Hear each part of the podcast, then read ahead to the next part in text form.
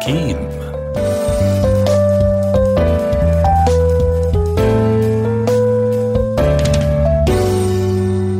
أهلا بكم مستمعينا في هذه الحلقة الجديدة من البرنامج الأسبوعي حكيم على أثير راديو الكل.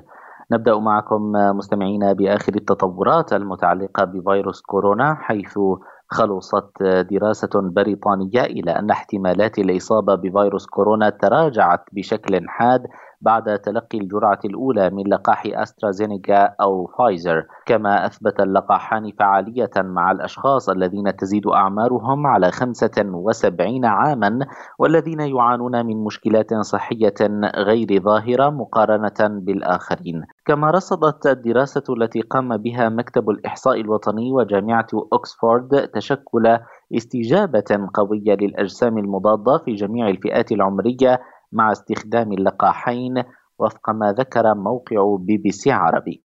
في خبر آخر يعتزم علماء في بريطانيا تعريض متطوعين شباب سبق وتعافوا من مرض كوفيد-19 لعدوى كورونا مرة أخرى وذلك من أجل فهم أكبر لطبيعة المرض وكيفية تصرف الجهاز المناعي أمام الفيروس. ويهدف ذلك لمعرفة كمية الفيروس المطلوبة لعدوى جديدة وكيف يتفاعل الجهاز المناعي مع الفيروس مرة أخرى من أجل تطوير مقاومة طبيعية ضد مسببات المرض؟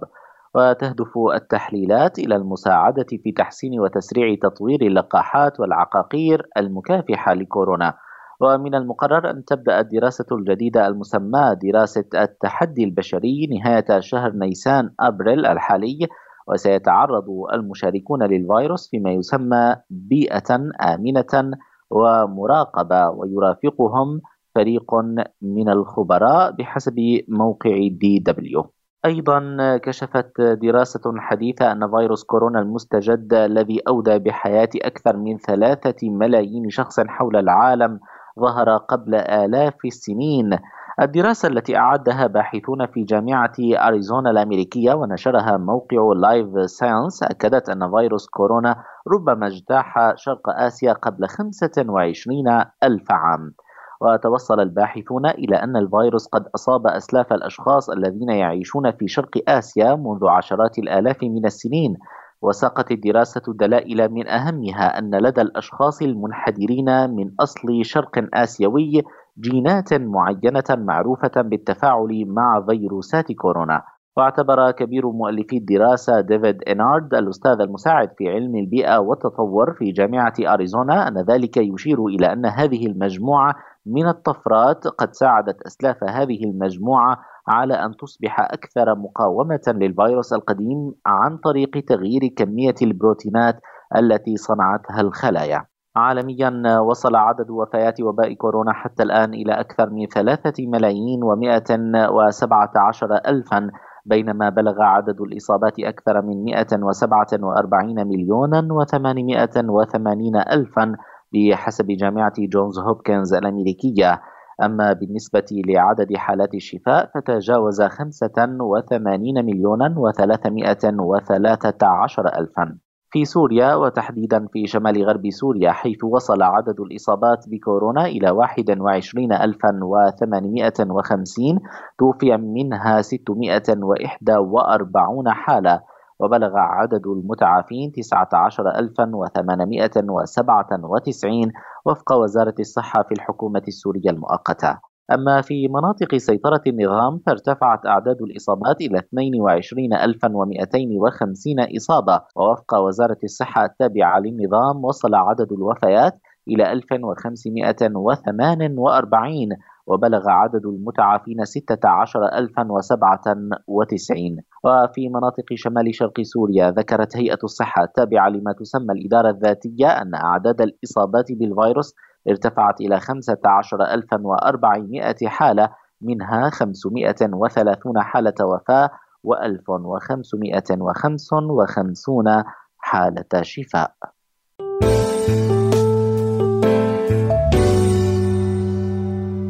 وننتقل معكم مستمعينا إلى فقرتنا الثانية من برنامج حكيم والتي سنتحدث فيها عن الأمراض التي تصيب الأغشية المخاطية للفم وتفاصيلها وأساليب الوقاية منها لينضم إلينا الدكتور حسام مكتبي ماجستير في تجميل الأسنان عبر الهاتف من تركيا. أهلا بك دكتور حسام. بداية لو حدثتنا عن أبرز الأمراض التي تصيب الأغشية المخاطية للفم وأكثرها شيوعا. أهلا وسهلا بك أستاذ عمر. نهار سعيد لك ولجميع المستمعين. بالبداية خلينا نعطي فكرة عن الأغشية المخاطية للفم. شو هي الأغشية المخاطية للفم؟ بشكل نعم. عام في عندنا التجويف الفموي بيتكون من الأسنان بيتكون من النسيج الداعم للأسنان يعني اللثه وعظم الفكين وبيتكون من عندنا النسيج الذي يبطن كامل التجويف الفموي. يعني باطن الخد باطن الشفة قبة الحنك أرضية الفم اللسان هذا هو الغشاء المخاطي للفم. بيحتوي على غدد لعابية وغدد مخاطية ولهيك بنسميه الغشاء المخاطي للفم. موضوع أمراض النسيج المخاطي صراحة باب كبير في تشعبات كثيرة. فينا نحكي على أكثر الأمراض شيوعا الأمراض اللي بنشوفها بحياتنا اليومية مع المرضى مع الأقارب مع الأصدقاء. فينا نحكي عن موضوع القلاع. موضوع القلاع عبارة عن قرحات تظهر على الأغشية المخاطية ممكن يظهر على باطن الشفة على باطن الخد. قرحات هي مؤلمة حوالي 2 ل 3 ملم ناكسة مزعجه يعني موضوع الأكل بيكون فيه شوية صعوبة. موضوع التك... التكلم تشفى نعم. تلقائيا نعم. خلال أسبوع. موضوع بسيط ولكن مزعج خلال أسبوع بتكون طيبانة. هذا الموضوع أكثر شيء ممكن نواجهه. مع الأطفال مع الشباب مع الكبار بالعمر. نعم. ما هي الأسباب التي تؤدي للإصابة بأمراض الأغشية المخاطية عموما؟ والقلاع الذي ذكرته لنا خصوصا. طبعا الأسباب كثيرة طبعا الأمراض كل مرض في سبب معين. إذا فينا نلخص الأسباب بشكل بسيط ممكن نقول في عندنا أسباب أسباب رضية يعني بيكون في عندنا سن مكسور بيكون في عندنا حشوه مكسورة جسر مكسور آه ممكن المريض يكون عم بيستعمل آه جهاز متحرك يكون فيه شؤوز بيعمل لي تخريج مزمن. هذا التخريج بتحول لقرحة ممكن يعمل لي مشكلة بعدين. آه في عندنا أسباب مناعية ممكن يكون في عندنا ضعف بالمناعه موضوع آه أمراض المناعه الذاتية أحيانا الجسم هو بيهاجم نفسه. آه في عندنا أسباب انتانيه أمراض جرثومية أو أمراض فيروسية أو أمراض فطرية. ممكن يكون في عندنا جفاف بالفم خاصة مع كبار العمر. يعني مع تقدم العمر بصير في عندنا قلة في إفراز اللعاب. هذا الموضوع ممكن يعمل مؤهب للأمراض النسوج المخاطيه، موضوع استخدام الأجهزة المتحركة البدلات كمان يعتبر عامل مؤهب. وفي عندنا عوامل نسميها تخريش مزمن خاصة موضوع التدخين يعني. نعم. بالنسبة للأعراض التي تظهر على المريض دكتور ما هي هذه الأعراض ومتى تجب زيارة الطبيب؟ الأعراض تختلف تبع المرض يعني كل مرض فيه له أعراض محددة بشكل عام ممكن يكون المرض لا عرضي يعني ما في له أعراض واضحة ظاهرة ممكن يكتشف بالصدفة من قبل المريض أو من قبل من قبل الطبيب. ممكن يظهر على شكل سماكة بالغشاء المخاطي ممكن على شكل لويحة بسيطة بيضاء بالغشاء المخاطي ممكن يكون المرض يترافق مع اعراض مثل مثلا خويصلات مثل تقرحات مثل القلاع مثلا.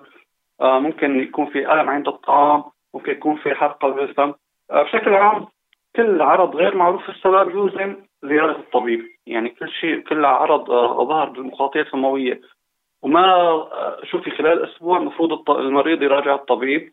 أحيانا الألم هو اللي بدفع المريض لحتى يروح عند الطبيب. يعني المريض بيكون عم بعاني من موضوع الأكل موضوع الحرقة. بيروح عند الطبيب يقول له أنا عندي هاي المشكلة.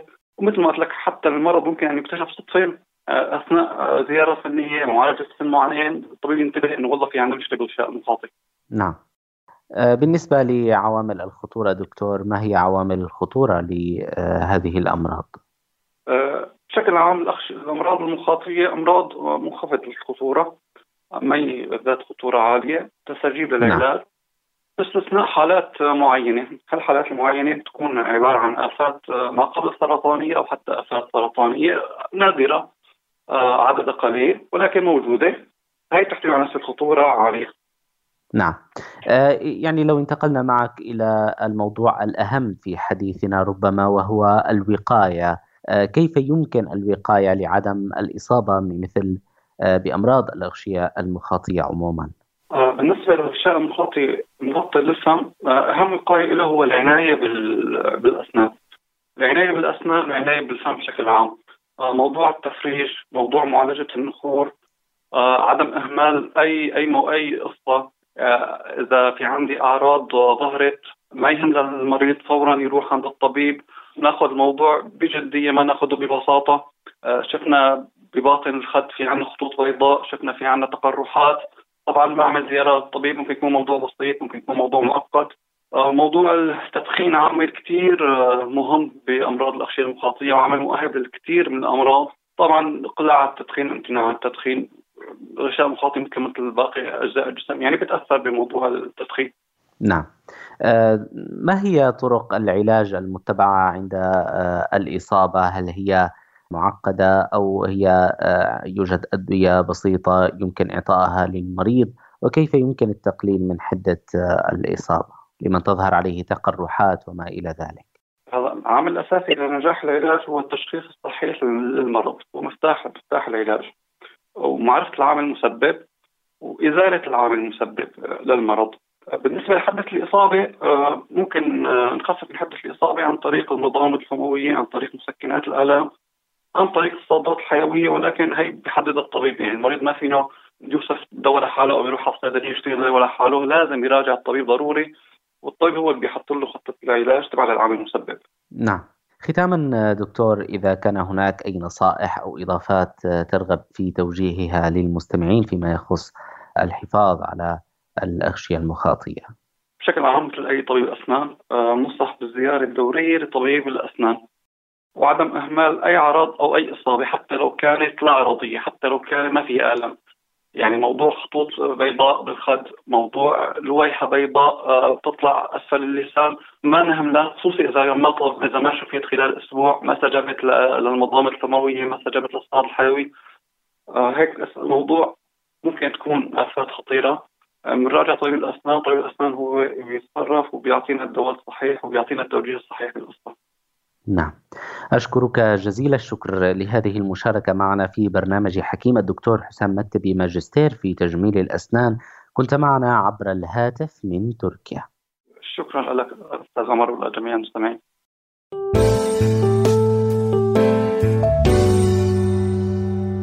تصل الدفعة الأولى من لقاحات فيروس كورونا إلى الشمال السوري والتي تستهدف بالدرجة الأولى العاملين في المجال الطبي والإنساني.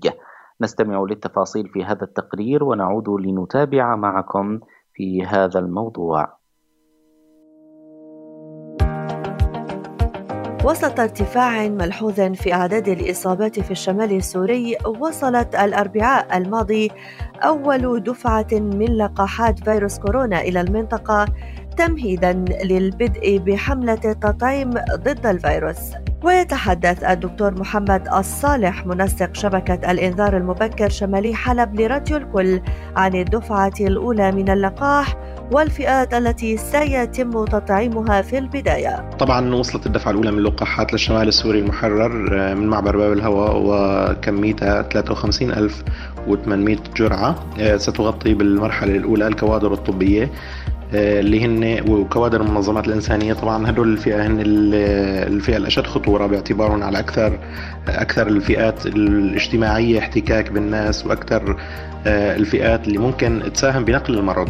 لذلك تلقيحهم هو الأولوية الأولى. الكوادر الطبية الموجودة في الشمال السوري من خلال احتكاكنا فيهم آه، طبعا في غالبية تريد طبعا بحكم إنه المعظم شباب يعني الآثار الجانبية للقاح وكونهم كوادر طبية هنا على علم ودراية فيها أكثر آه، من باقي فئات المجتمع.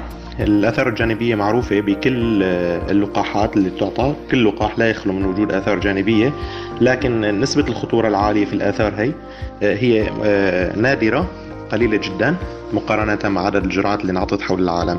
ويؤكد الصالح أن الدفعة الثانية من اللقاحات ستكون قريبة منوها بأن اللقاح هو الخطوة الأساسية للحد من انتشار الجائحة في الشمال السوري. طبعا هناك دفعة ثانية ستشمل الناس اللي لديهم أيضا فئة خطورة عالية تلي بخطورتها الكوادر الطبية. هن كبار السن والمرضى أصحاب الأمراض المزمنة. إن شاء الله كمان الدفعة رح تكون هي قريبة. طبعا نحن نسأل الله سبحانه وتعالى أنه يفرج عن الأمة ويخفف عنا هذا الوباء، اللقاح هو الخطوه الأساسية المتوفرة حاليا بين ايدينا صارت آه، لأنه نحن نساهم ولو بقدر بسيط من أنه نحدد انتشار الجائحة وقبل الوصول لذروة جديدة لا سمح الله. خالد نجار ممرض مسعف في مشفى الباب شرقي حلب ومنسق ميداني في شبكة الإنذار المبكر يتحدث أيضا عن إبلاغهم لتلقي اللقاح.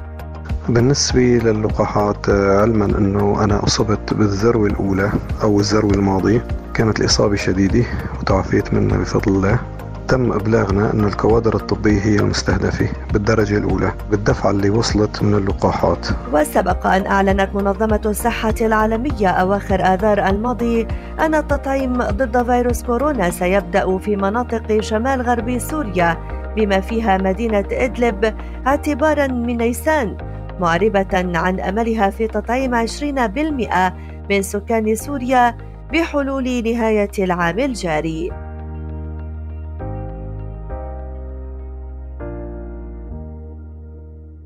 وللحديث أكثر عن هذا الموضوع ينضم إلينا الدكتور رامي كلزي مدير البرامج الصحية في وزارة الصحة بالحكومة السورية المؤقتة عبر الهاتف من تركيا. أهلا بك دكتور رامي. بداية لو حدثتنا عن الدفعة الأولى التي وصلت إلى الشمال السوري من لقاحات كورونا ما هو نوعها وكم عددها؟ ومن هي الفئات التي سيتم تلقيحها في البداية؟ حياكم الله شكرا أخي الكريم. آه، وحيي طيب السادة المستمعين. آه، الدفعة الأولى آه، بلغت 53008 جرعة آه، وهي الدفعة الأولى من المخطط له خلال هذا العام.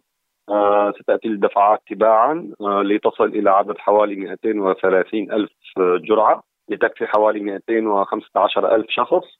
الأولوية ستكون للعاملين الصحيين والعاملين المجتمعيين أي يتضمن ذلك الأطباء والممرضين وعمال الصحة المجتمعية عمال المنظمات الإنسانية الحلاقين المعلمين رجال الشرطة كل من هم باحتكاك بالخط الأول مع المجتمع.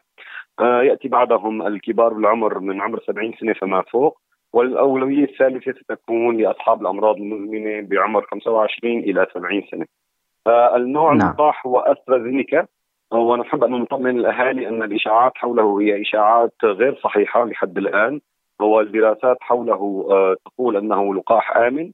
آه، أكبر إشاعة اشيعت حوله هي موضوع التجلطات الدموية والتي بلغت نسبتها فقط 16 بالمئة ألف. يعني من أصل 40 مليون تم تلقيحهم بهذا اللقاح حول العالم سجل فقط حوالي 40 إصابة أو أقل آه، وثلاثة منهم تعرضت للوفاة. وهذه نسبة جدا طبيعية تحدث لأي إنسان بغض النظر عن اللقاح. بل هي أكثر من ذلك بصراحة في حين انه نحب أن ننوه هنا أن نسبة الخطورة للتعرض لتجلطات الدم بدون أخذ اللقاح تبلغ حوالي 16% آه، في حال إصابة الإنسان بوباء كوفيد ولم يكن ملقح. فنحب أن ننفي عبر منبركم الكريم هذا آه، هذه التخوفات وإن شاء الله نعم. اللقاح يعتبر من اللقاحات الآمنة وهو معتمد من منظمة الصحة العالمية. نعم. إذا آه، الدفعة الأولى من اللقاحات آه، هي للعاملين في المجال الطبي آه، والدفعة الثانية والدفعات اللاحقة ممكن لمن هم على احتكاك مباشر بالمدنيين بما يتعلق بالعاملين في الشؤون الإنسانية وما إلى ذلك. أليس كذلك دكتور؟ نعم. الدفعة الأولى حاليا حوالي 54 ألف يعني 53 ألف و800 جرعة غالبا الكادر الصحي يعني يساوي هذا الرقم أو ربما أقل بقليل. فربما نعم. تكفي هذه الجرعة لبعض العمال المجتمعيين أيضا. نعم من المعروف دكتور أن الشمال السوري يعاني من موضوع الخدمات عموما. السؤال هو هل نستطيع القول أن اللقاحات يمكن أن تكون بأمان ويوجد أماكن متوفرة لتخزينها بالشكل المطلوب في المنطقة؟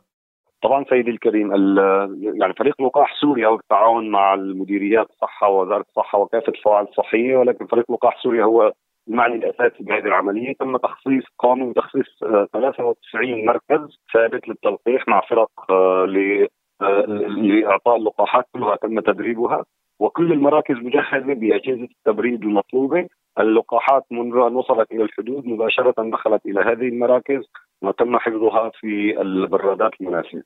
نعم.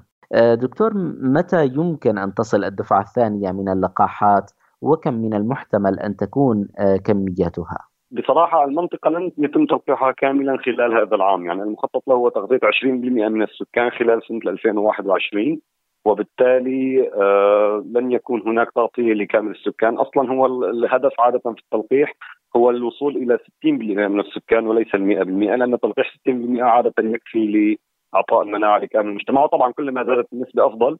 ولكن كوننا منطقة أزمة يعني. فربما نأخذ الحد الأقصى أن يكون 60% خلال هذا العام سيكون 20% آه، الدفعة القادمة متوقع أن تصل خلال شهر إلى شهر ونصف آه، وتقدر تقريبا بنفس هذا العدد يعني حوالي 50 ألف ذراع. نعم. يعني في هذا الإطار موضوع الستين بالمئة والعشرين بالمئة بالنسبة للدفعة الأولى بالذات إلى أي درجة يمكن أن تساهم هذه الدفعة من اللقاحات في التقليل من أعداد الإصابات بالفيروس في الشمال السوري؟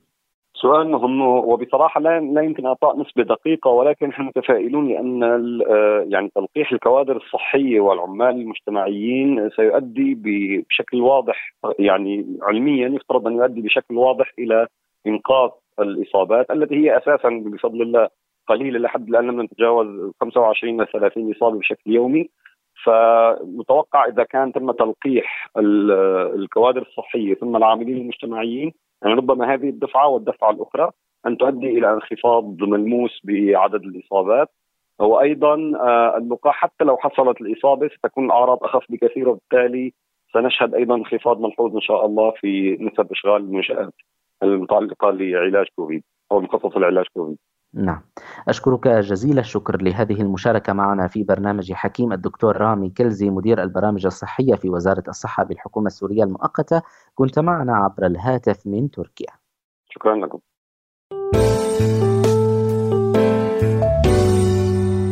يفقد صائم خلال ساعات الصيام الكثير من سوائل الجسم ما يجعل الجسم بحاجة لتعويض هذه السوائل للحفاظ على الجسم من الجفاف والحفاظ أيضا على صحة أجهزة الجسم كافة وخاصة الكليتين. ويجب مراعاة شرب المياه بكثرة للصائم لتحقيق ذلك وعدم الاعتماد على المشروبات والعصائر لتعويض السوائل على حساب الماء العنصر الأهم في تركيب الجسم وعمل أجهزته. نستمع لتفاصيل أكثر حول المشروبات في التقرير الآتي. يعتبر الماء أهم المشروبات التي يجب على الصائم التركيز عليها لأنه يساعد على تعويض السوائل التي يفقدها الصائم خلال ساعات الصيام كما أنه لا يحتوي على أي سعرات حرارية من شأنها زيادة الوزن. وينصح أيضا بشرب الحليب خلال وجبة السحور لغناه بالبروتينات وفيتامين بي 2 وبي 3 وبي 6 وفيتامين د والريبوفلافين. كما أنه مصدر مهم للكالسيوم والفوسفور والبوتاسيوم والمغنيسيوم. وينصح أيضا بشرب اللبن الرائب لاحتوائه على خمائر تزيد من مناعة الجهاز الهضمي. ومن المشروبات المفيدة للصائم عصائر الفواكه بأنواعها كالبرتقال والفريز حيث تعد مصدرا لفيتامين جي الذي يساهم في تصنيع كولاجين الجلد كما أن عصير الرمان غني بمضادات الأكسدة أيضاً. ومن المشروبات الرائجة في رمضان التمر الهندي الذي يساعد على التخلص من الإمساك كما أنه غني بمضادات الأكسدة كما يعالج فقدان الشهية والغثيان ويخفف من ارتفاع ضغط الدم والشعور بالصداع وتحسين الهضم والتخلص من الانتفاخ وحماية الجسم من الجفاف.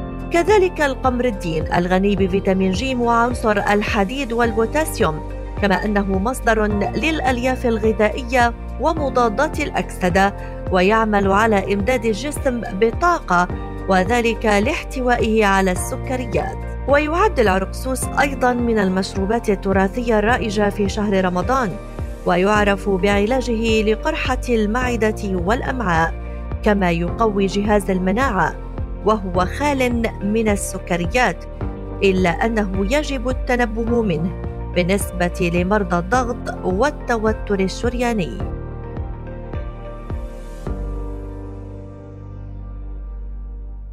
إلى هنا مستمعينا نكون قد وصلنا معكم إلى ختام حلقتنا لهذا اليوم من برنامج حكيم. كنا معكم في الإعداد والتقديم أنا عمر نور وبتول الحكيم. على أمل أن نلقاكم الأسبوع المقبل في ذات الموعد. أطيب التحيات لكم. دمتم بعافية وخير وإلى اللقاء.